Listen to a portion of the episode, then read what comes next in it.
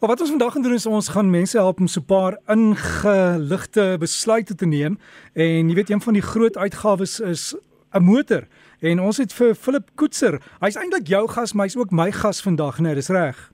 Natuurlik ja, nee, Philip is is is 'n uh, is 'n uh, ou kennis vir my en hy's hy het al die antwoorde wat as dit gaan oor die motorbedryf. Hey, jy's daar Philip? Môre, môre Dirk, ja, ek dis so. Dis reg en jy tans die een van die handelaars die grootes daar in Ermelo, dis die hoof van De Wit Motors. Ek het nou die dag daar verbygery, dit lyk nogal indrukwekkend. En die besigheid is deur jou oupa begin in 1950 as ek dit reg het. En jy's die derde geslag wat hierdie besigheid nou bedryf en bestuur. 20 jaar in die motorbedryf. En jog, dis dis nog 'n lank en wat Witse Motors is agente vir uh, ek sien die Mercedes-Benz, Hyundai, Mitsubishi. Watter motors verkoop julle almal? Ja, ek Derek het maar daai wat jy genoem het en dan die Mercedes, Hyundai, Mitsubishi en dan ook maar die swaar voertuie ehm um, en uh die voertuigtrokke en dan ook maar die bussies, die sprinters, Vitos en die tipe van ding. So ja.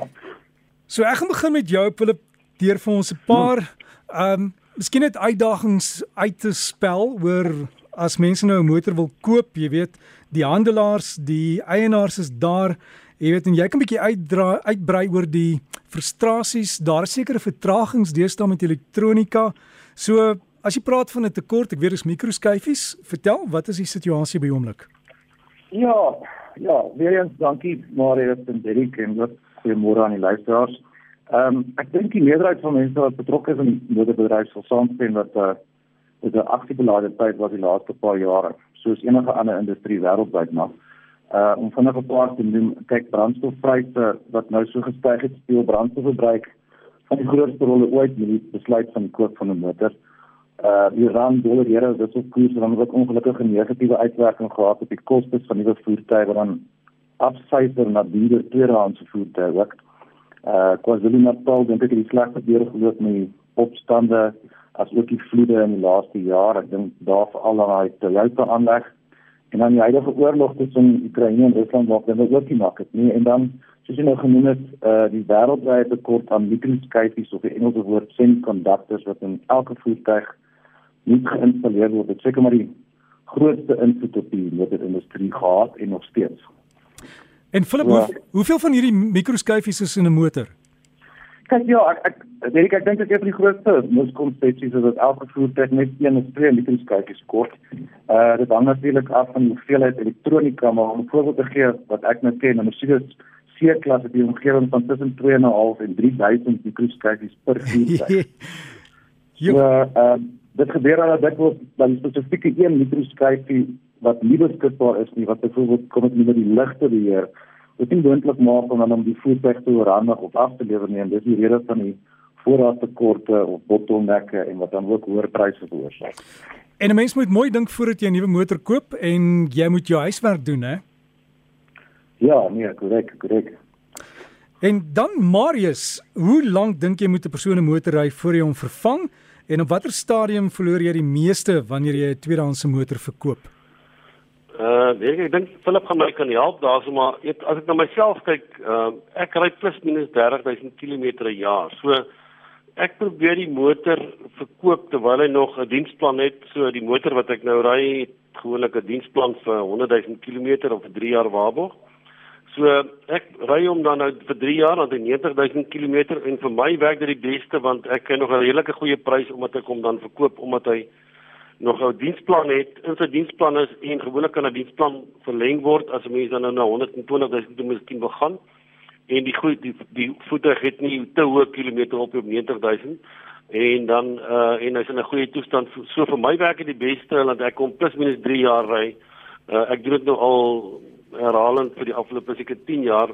Dit is maar my tyd wat ek met 'n voete ry maar ek meen Philip kom miskien vir ons beter sê uh wat is die wat is die beste tyd of of of kilometers wat 'n mens uh moet ry of wanneer verloor jy meer op 'n voete as jy hom langer ry Philip? Ja, ja, ja, maar ek ek, ek dink soms jy ons ons al van kliënte soos jy wat elke 3 jaar wil ry of ons kan elke 3 jaar dan in jou kar verkoop. Ehm um, maar natuurlik 'n klomp veranderlikes wat ook 'n rol kan speel. So ons het daarvan hier uit die wet amper om met met ons kliënte tipe van 'n 'n klein onderhoud dalk te hê om net om sy onmiddellike behoeftes en basiese 'n profiel van hom te skep en dan 'n paar wenke of voorstellings te kan gee. So die basiese goed wat ek en Harsel mee moet maar aanpaal is in watter tyd van die jaar is ons. Uh November en Desember is gewoonlik 'n goeie tyd om te kyk na 'n nuwe voertuig. Ehm um, motorfabrikante het gewoonlik aan die begin van die jaar of aan ander woorde 1 Januarie prysverhogings op op die hele reeks. So die kliënte dan ook die voordeel van die volgende jaar se registrasie met ander woorde as jy byvoorbeeld nou die jaar in 2020 28 22 Desember voertuig koop, kan jy moontlik die voordeel kry van 'n 2023 model as ook die prysverhoging van 1 Januarie vir my. Ja, dis een kant van ja. Ja nee nee nee, ek ek luister, jy weet so daai datum is baie belangrik en jou motorhandelaar hulle sal vir jou kan sê wanneer, né? Nee.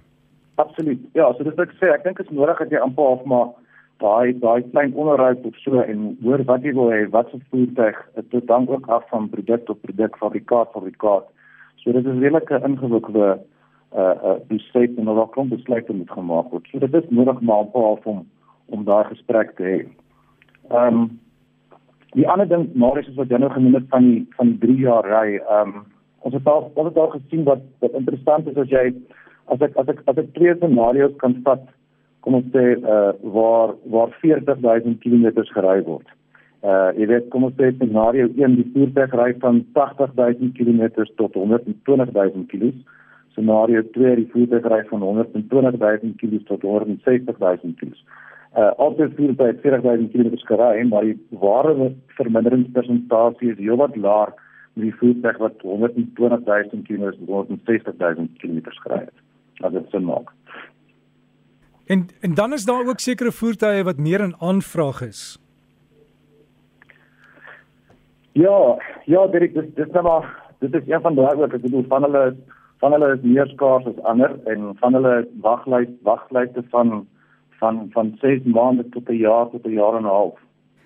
En iemand uh, Philip dink jy vir my gesê as jy 'n motor koop moet jy altyd kyk na die herverkoopwaarde en ek weet daar sekerre van die vier trek voertuie, dubbelkajuit voertuie wat al het hy baie kilos op het nie eintlik ware verloor nie.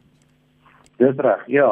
Kyk dan dit kom dan nou weer op van fabrikaat tot fabrikaat hoeveel kilos jy gery het in die voertuig uh uh, uh wanneer die voertuig geregistreer soos Marius wat genoem het, hierdie voertuig is hy nog binne in sy waarborg, het hy nog 'n instandhoudingsplan of 'n diensplan al daai goed het maar 'n effek op die besluit van wanneer jy hom kan verkoop of wanneer jy 'n tweedehandse voertuig kan koop. So ja. Ek dink ook Derek die afgelope jaar as gevolg van hierdie tekorte is daar van die tweedehandse voertuie wat na 'n jaar meer werd was as wat die was wat die koper vir hom betaal het as gevolg van die feit dat daar nie nuwe voertuie beskikbaar was nie. En natuurlik het het van hulle se pryse opgegaan en daar is ouens het ook 'n uh, goeie wins gemaak het maar ek dink Philip het ook miskien 'n het ook miskien die ander kant van die munt vir ons daarso want ek dink as jy nou 'n goeie wins gemaak het op hierdie voertuig ehm um, dan moet jy nie weer gaan koop dagval en jy gaan afval weer vir meer betaal maar dit het ook gebeur die afgelope tyd dat mense ek dink seker dubbelke jy het voete en ek dink 4x4 voete wat net nie beskikbaar was nie as gevolg van hierdie uh bottleneck wat jy gehad het in die in die, die vervaardiging en ook in aflewering uh hmm. het het baie van hulle se pryse opgegaan? Ja, ja, net so, maar uh kyk kyk as jy kon uh, van die voete wat wat ons net te doen gehad het, kan jy uh binne 'n jaar tussen 100 000 en selfs 500 000 meer kry as wat jy vir die voertuig betaal het. Ehm um, maar ek bedoel dit is alles goed en wel as jy daai voertuig gaan verkoop en jy emigreer of jy nooit weer gaan ry nie, maar ek dink dit is 'n goeie besluit as jy as jy dit gaan verkoop en dan en dan betaal jy net soveel weer 'n uh, groter prys op die op die nuwe voertuig wat jy dan gaan koop nie vir iets soortgelyks. So jy moet maar mooi gaan jy moet maar mooi gaan dink of of dit die regte besluit is. Philip, 'n vraag wat ek het is baie van die modelle word na so 2 jaar of elke 2 jaar vernuwe en baie mense, ek weet nie wat 'n status ding is nie, wil altyd die nuutste model ry. En jy kan weer daar die verbruiker help en sê maar wag, dis die tyd wanneer die nuwe een op die, op die vloer is, dan kan jy hom koop. Ja, ja, Derek, ek dink ek dink dat daar twee kante ook weer van dit. Ehm um, kyk die die 'n vormverandering of 'n nuwe vorm uh uh, uh gaan heel moontlik nuwe tegnologie, kraglewering uh en of altyd funksies hê, jy weet. Uh so so dit kan 'n beter voertuig wees. Die ander kant van die saak is wat ons al gesien het is uh dat die voertuig wat op die einde is van sy lewensiklus ehm um, al 'n paar jaar in produksie is en ons ons vind dat hierdie spesifieke voertuie wat uh, baie minder foute sal hê aangesien hulle geruime tyd geproduseer word en die meeste probleme wat kan opduik met 'n nuwe model al uitgesorteer is. So so jy moet jy moet maar jou sommer mooi gemaak. Ek bedoel die nuwe voertuig of die vormverandering gaan dan ook uit die aard van die saak duurder wees. So ja. Philip as ek kyk na voertuie wat rondry, nuwe voertuie wat baie krappe op het duike en so aan, waardevermindering op 'n voertuig. Wat is belangrik om in ag te neem? Ja, kyk, ek dink ons het ek dink ons het geraak oor daaraan van van van van die goed wat nou natuurlik eh, die voete wat natuurlik meer waardevol eh, geword het oor die laaste paar jaar maar uh uh, uh ek dink mens moet ook gaan kyk ek dink dit is vinnig ook net raak aan aan boekwaardes. Dit is daar vir ons redelike probleem en ons het nie regtig beheer oor dit nie. Uh my mening is dat die waardes wat opgeteken is in die boekwaarde riglyn wat maandeliks versprei word en wat ons daagliks gebruik nie opgedateer is met wat in die mark gebeur nie. Uh dit veroorsaak probleme indien voertuie ingeruil word, verkoop word en ook gefinansiering verseker word. Om jou voorbeeld te gee, 'n voertuig se inruilwaarde kan R80000 wees en die herverkoopwaarde in die omgewing van R100000, maar die markverwante prys of waarde van daai voertuig kan tot R150000 wees. Met ander woorde, indien jy hierdie voertuig het en jy het 'n ongeluk, uh sal die versekering net jou R100000 uitbetaal. Wat ek sê is onregverdig teenoor die verbruiker um, omdat die dit is uitbetaal as nie markverwant is nie. Hm. En dan ja, ek weet nie dan kan mens gaan kyk maar in terme van waardevermindering is maar jy moet maar gaan kyk na die na die ouderdom van die voertuig. Uh hoeveel kilos is daar? Ek dink 'n ander belangrike ding of wenk is om te kyk na die diensrekord van die voertuig. Uh het sy elektronies of in 'n diensboekie en dan uh ook na na die algemene kondisie. Kyk maar na die bande, bande is daar ook duur. Uh want dit is maar alles ekstra wat jy gaan moet betaal vir na die tyd. En Marius, wanneer dit nou kom by 'n voertuig aanskaf, uh partykeer vergeet mense van die ekstra kostes. Ek weet daar's ekstra diensplanne, jou waarborg, jou versekerings op 'n fabrikaat. Hoe werk 'n mens dit uit? Ja, weet jy, dit is nogal vir my belangrik en ek ek dink 'n mens leer mos nog maar lesse deur die jare. Ek ek onthou eendag ek het 'n uh 'n duur Duitse voertuig tweedehands gekoop. Uh dis, dis nie die voertuig wat Philip hulle verkoop nie, maar ek was nou baie beïndruk met hierdie voertuig Maar wat ek nie geweet het nie, hy het toe nie meer 'n diensplan gehad nie en ehm um, ek het toe nou 'n bietjie skade gehad op die op die op die uh, engine wat ek moes laat hersien uh, het of of laat regmaak het. En toe kom ek agter maar het, ek koop nou amper hierdie voete van voor af oor.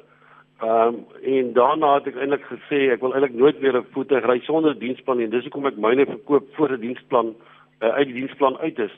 Ehm um, en natuurlik dan nou die waarborg wat mense kry en daar kry ons nou baie maatskappye gee vir jou fabrikaat gee 3 jaar terug gee vir jou 5 jaar waarborg. Ehm um, en die waarborg is natuurlik nou nie die diensplan nie met ander woorde uh al, al het jy 'n waarborg op die voertuig en jy's uit die diensplan uit kan jou dienste jou baie geld kos was waarvoor jy beplan het nie. En ek dink een van die foute wat mense baie keer maak is dat hulle koop maar die voertuig met die hart uh en as baie emosie betrokke. Ek onthou die advertensie op die televisie op 'n stadium wat gesê het ek wil hom hê want ek wil hom hê. Ehm um, daar's nie regtig uh weet mense maak nie altyd jou sommetjies mooi as jy as jy gaan kyk hierna nie. So ek dink baie keer kan 'n mens jou laat flou dat jy 'n waarborg het vir 5 jaar, maar jy het nie 'n diensplan, jy het miskien net 'n diensplan vir 80 of 100 000 km. Uh nee, jy gaan dit jou baie geld kos om hierdie motor net net te te laat diens oor die tydperk. So dis my altyd baie belangrik. Ek wil solank ek die voertuig ry, wil ek wil ek 'n waarborg hê en ek wil 'n diensplan hê. En gelukkig kan nou deesdae ons nou die diensplan verleng. So baie baie van die 100 000 km kan jy na 120 of 130 of selfs 150 000 km verleng, maar ek dink mense wil eintlik nie meer 'n voertuig ry as jy nie 'n diensplan het nie want uh, die dienste is dan basies buite jou beheer en jy, jy het nie 'n waarborg of jy het nie eintlik beheer oor die koste daarvan nie. En dan finansieringskoste. Philip, die verskil uh, tussen hier koop ooreenkoms en 'n uh, hier ooreenkoms met 'n uh, uh, residu vir waarde en daar's nog die wat die ballonjene, wat is wat is die opsies? Ja, ehm um, dit ja, ek dink dit is dit is ook 'n moeilike ding om oor die radio 'n kort tydjie op te som maar ek gaan probeer om dit eenvoudig te hou. Die eerste ding wat ek dink almal meer bekend is is die gewone huurkoop ooreenkoms. Uh voertuig word word finansier oor 'n tydperk van 5 jaar Die verbruiker betaal die voertuig af met maandelikse paaiemente en die voertuig is sy eiendom aan die einde van die termyn. Dan kry jy nou die huurooreenkoms met 'n ballonbedrag. Um, ons probeer deesdae wegbly van die woord residiewaarde aangesien dit 'n term is wat ons nie regtig meer wetlik kan gebruik nie. So ons sê maar ballonbedrag. So dit is die sensiering met 'n spesifieke saak as die vorige voorbeeld oor 5 jaar maar met 'n persentasie van die verkoopsbedrag wat aan die einde van die termyn betaal is. Byvoorbeeld die voertuig kos 100 000 rand, die ballonbedrag is 30 000 rand of 30%. Die voordeel van die ballonpaaiement is dat die maandelikse paaiement minder is as 'n huurkoop uh ooreenkoms sonder 'n ballonbedrag. Die nadeel is dat die verbruiker langer gaan afbetaal aan kapitaal wat geskuld word op die voertuig. So oor die algemeen uh, sal ons die opsie regtig voorstel en dit is regtig die laaste uitweg is vir die verbruiker. En uh, die laaste die laaste manier is ook dan 'n nuwe redelik nuut in Suid-Afrika wat jy noem die terugkoopkontrak, 'n uh, toekomsgewaarborgde bedrag uh, of die Engelse woord is maar 'n lease. Ehm um, dit is waar die kliënt vooraf 'n sekere aantal kilometer spesifiseer uh die voertuig ry vir 'n vasgestelde periode. Uh die kliënt gee dan na die tydperk van byvoorbeeld 3 jaar die voertuig terug. Mense kan amper dit ook vergelyk amper met 'n uh, soos 'n langtermyn huur. Nou die die produk wat ek nou meer vertroud is by Mercedes word genoem Agility. Ehm um, nou ek sou persoonlik dit aanbeveel in die verbruiker in omgewing van 30000 km of meer ry per jaar. Want die verbruiker het dan ook die geleentheid om na 3 jaar weer 'n nuwe voertuig te koop, byvoorbeeld soos Marius, met geen skuld op sy naam nie. Uh hy gee basies net die voertuig terug na 3 jaar en die voordeel van die Agility payment of die terugkoopkontrak payment is 'n nie payment in baie gevalle laer gaan wees selfs as die voorbeeld voorgenoem van 'n huurkoopooreenkoms met 'n ballonbedrag. So ja. So weer eens doen jou huiswerk en vind uit en is daar 'n spesifieke hoeveelheid jaar wat jy voorstel hoe lank 'n persoon moet betaal want baie mense druk vir hom ver hoor. Ja, ek weet nie ek weet nie dit dit dit is 'n dit is ook interessant. Ehm um, Marius wat wat wat ehm um, wat ek en jy oor gesels het is is wat dink jy uh, uh oor oor is dat dit 'n goeie skuld en slegte skuld? Ehm um, ek weet ons het al gesels oor as 'n persoon kognisie verdien. Ek dink jy kan dalk meer raad gee oor dit. Ja ek dink ehm um, kyk mens sê dit nou skuld is nooit goed nie. Ek dink as 'n mens nie skuld hoef te maak in die lewe nie ehm um, moet jy nie skuld maak nie. So vir my is is, is kontant koop altyd die eerste die beste opsie Maar ek dink as 'n mens in 'n situasie is waar jy jou motorpremie kan aftrek uh van belasting omdat jy in 'n in 'n beroep is waar jy jou inkomste verdien deur sekere uitgawes aan te gaan, dan laat die ontvanger jou toe om daai premie af te trek van belasting. Dan maak dit nie vir my sin om 'n motor kontant te koop nie, want kom ek sê ek gaan leen die geld by die bank en die bank vra my dalk 9% rente op my lening maar ek kan daai rente afskryf teen belasting. Ek kan 45% van belasting aftrek. Dan beteken dit die lening kos my eintlik maar net 5% per jaar.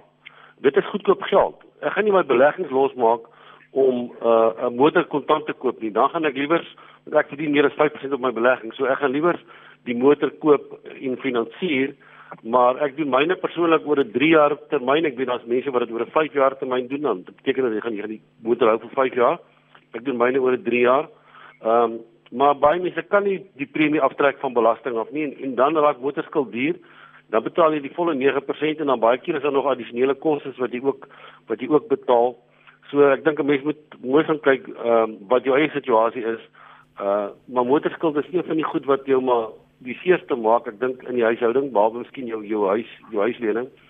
So mense moet dit maar reg uh probeer so laag as moontlik hou uh ook omdat jy blootgestel is aan rentekoerse wat verhoog word en dan ewe skielik verhoog jou paaiement waarvoor jy nie begroot het nie. So dit dit is ook 'n ding wat 'n mens baie moet bestuur. En Marius mense moet ook bywerk in daai premie van jou wat jou versekerings jou gaan kos.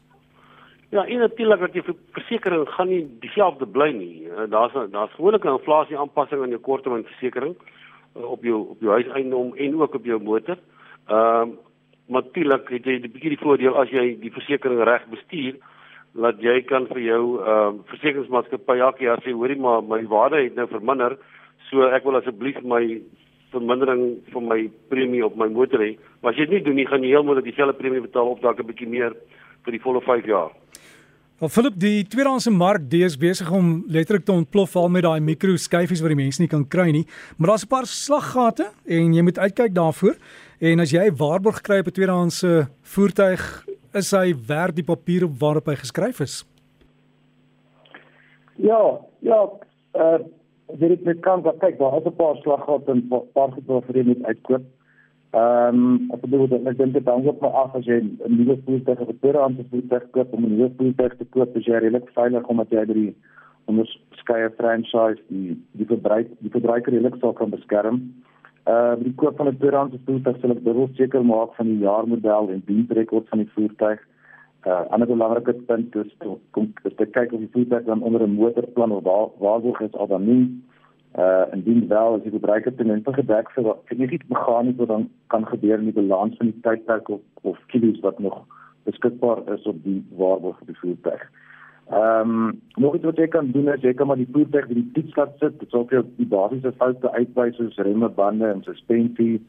Uh dan kan mens ook reël dat die voertuig weer die onderskeie franchise as ek dit ook kan sê dat ondersoek word byvoorbeeld laat die Mitsubishi handelaar vir jou verslag gee van die Mitsubishi bakkie wat jy in belang stel. Ja. Jy weet, en hulle en hulle Mitsubishi werkswinkel. Uh nog nog 'n idee is om dalk net na 'n paneelklop te vat vir 'n verslag vir enige ongelukskade of ernstige verwerk wat op die voertuig aangewend is en dan is die verbruikersbeskermingswet ook meer aan die verbruiker se kant as die handelaar. So Uh, ek dink dit is alles net voordeel van die verbruiker dan as hy die tweedehandse voertuig gaan koop. Maar Philip, dit is ook dan belangrik om van iemand te koop wat geregistreer is, wat reputasie het, want daar's baie van die mense sommer aanlyn waar jy kan voertuie koop, maar jy weet nooit wat jy gaan kry nie. Korrek. Ja, ek bedoel aanlyn as jy aanlyn gaan koop, uh, sal ek voorstel dat mens dat jy maar self deur die stappe gegaan wat ek nou net genoem het. Ehm um, jy, jy moet dan sien dat nou 'n line track is 'n nuwe voertuig aanlyn koop wat nou wat nou moontlik is in tweedehandse voertuie. Ehm uh, maar ja, so met die tweedehandse voertuig wil ek die stappe doen wat ek nou genoem het of iemand kry om jou mee met dit te kan help of die handelaar vir dan 'n verslag stuur.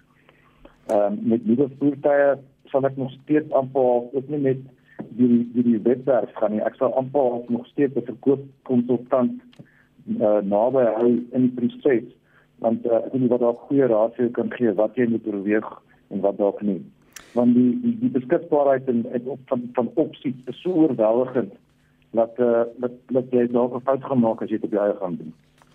Wel Philip, ek het ook 'n uh, laaste vraag hier. Ek sien die horlosie stap aan hier na 12 uur se koers toe. Elektriese voertuie meer in Suid-Afrika wanneer? Ja, ek, ek kyk, uh, weet ek, ons is al ons is al redelik 'n uh, uh, hele paar fabrikate wat wat al hulle elektriese voertuie bekend gestel het. So ek weet Mercedes het hulle van Sondag aan hulle reeks bekend gestel by uh, Festival of Lighting. Ehm um, ek is regtig positief oor hierdie onderwerp en ek kan baie lank oor praat. Maar vinnig, ek dink die grootste bekommernis is ek kan aflei die verbruiker is natuurlik die vraag van die beskikbaarheid van herlaaipunte as ook die tyd uh, wat dit gaan vat om 'n voertuig te herlaai. Ehm um, my my opinie oor die herlaaipunte mag dalk meer verskil maar uh, die ander mense meer verskil maar ek dink ek dink uh, vir die hoeveelheid elektriese voertuie wat heidaglik in Suid-Afrika is en vir die res van die jaar nog kom het ons al redelik ver vordering gemaak uh, oor die moontlike punte en plekke waar jy waar jy die verbruiker kan gaan herlaai kyk my my perfekte model van die verbruiker wat sweet nodig het is nie noodwendig iemand wat heeltyd Johannesburg Kaapstad of Durban toe wil ry nie, maar meer die verbruiker wat werk toe en terug ry, kinders by die skool oplaai, uh sport toe vat, wat op 'n gemiddeld net sonder meer as 100 km per dag ry nie. So die beskikbaarheid van 'n afstand van tussen 400 en 800 km is ek as ek kan praat namens Mercedes Rex dan dan dink ek is oor genoeg tot jou volgende herlaai tyd.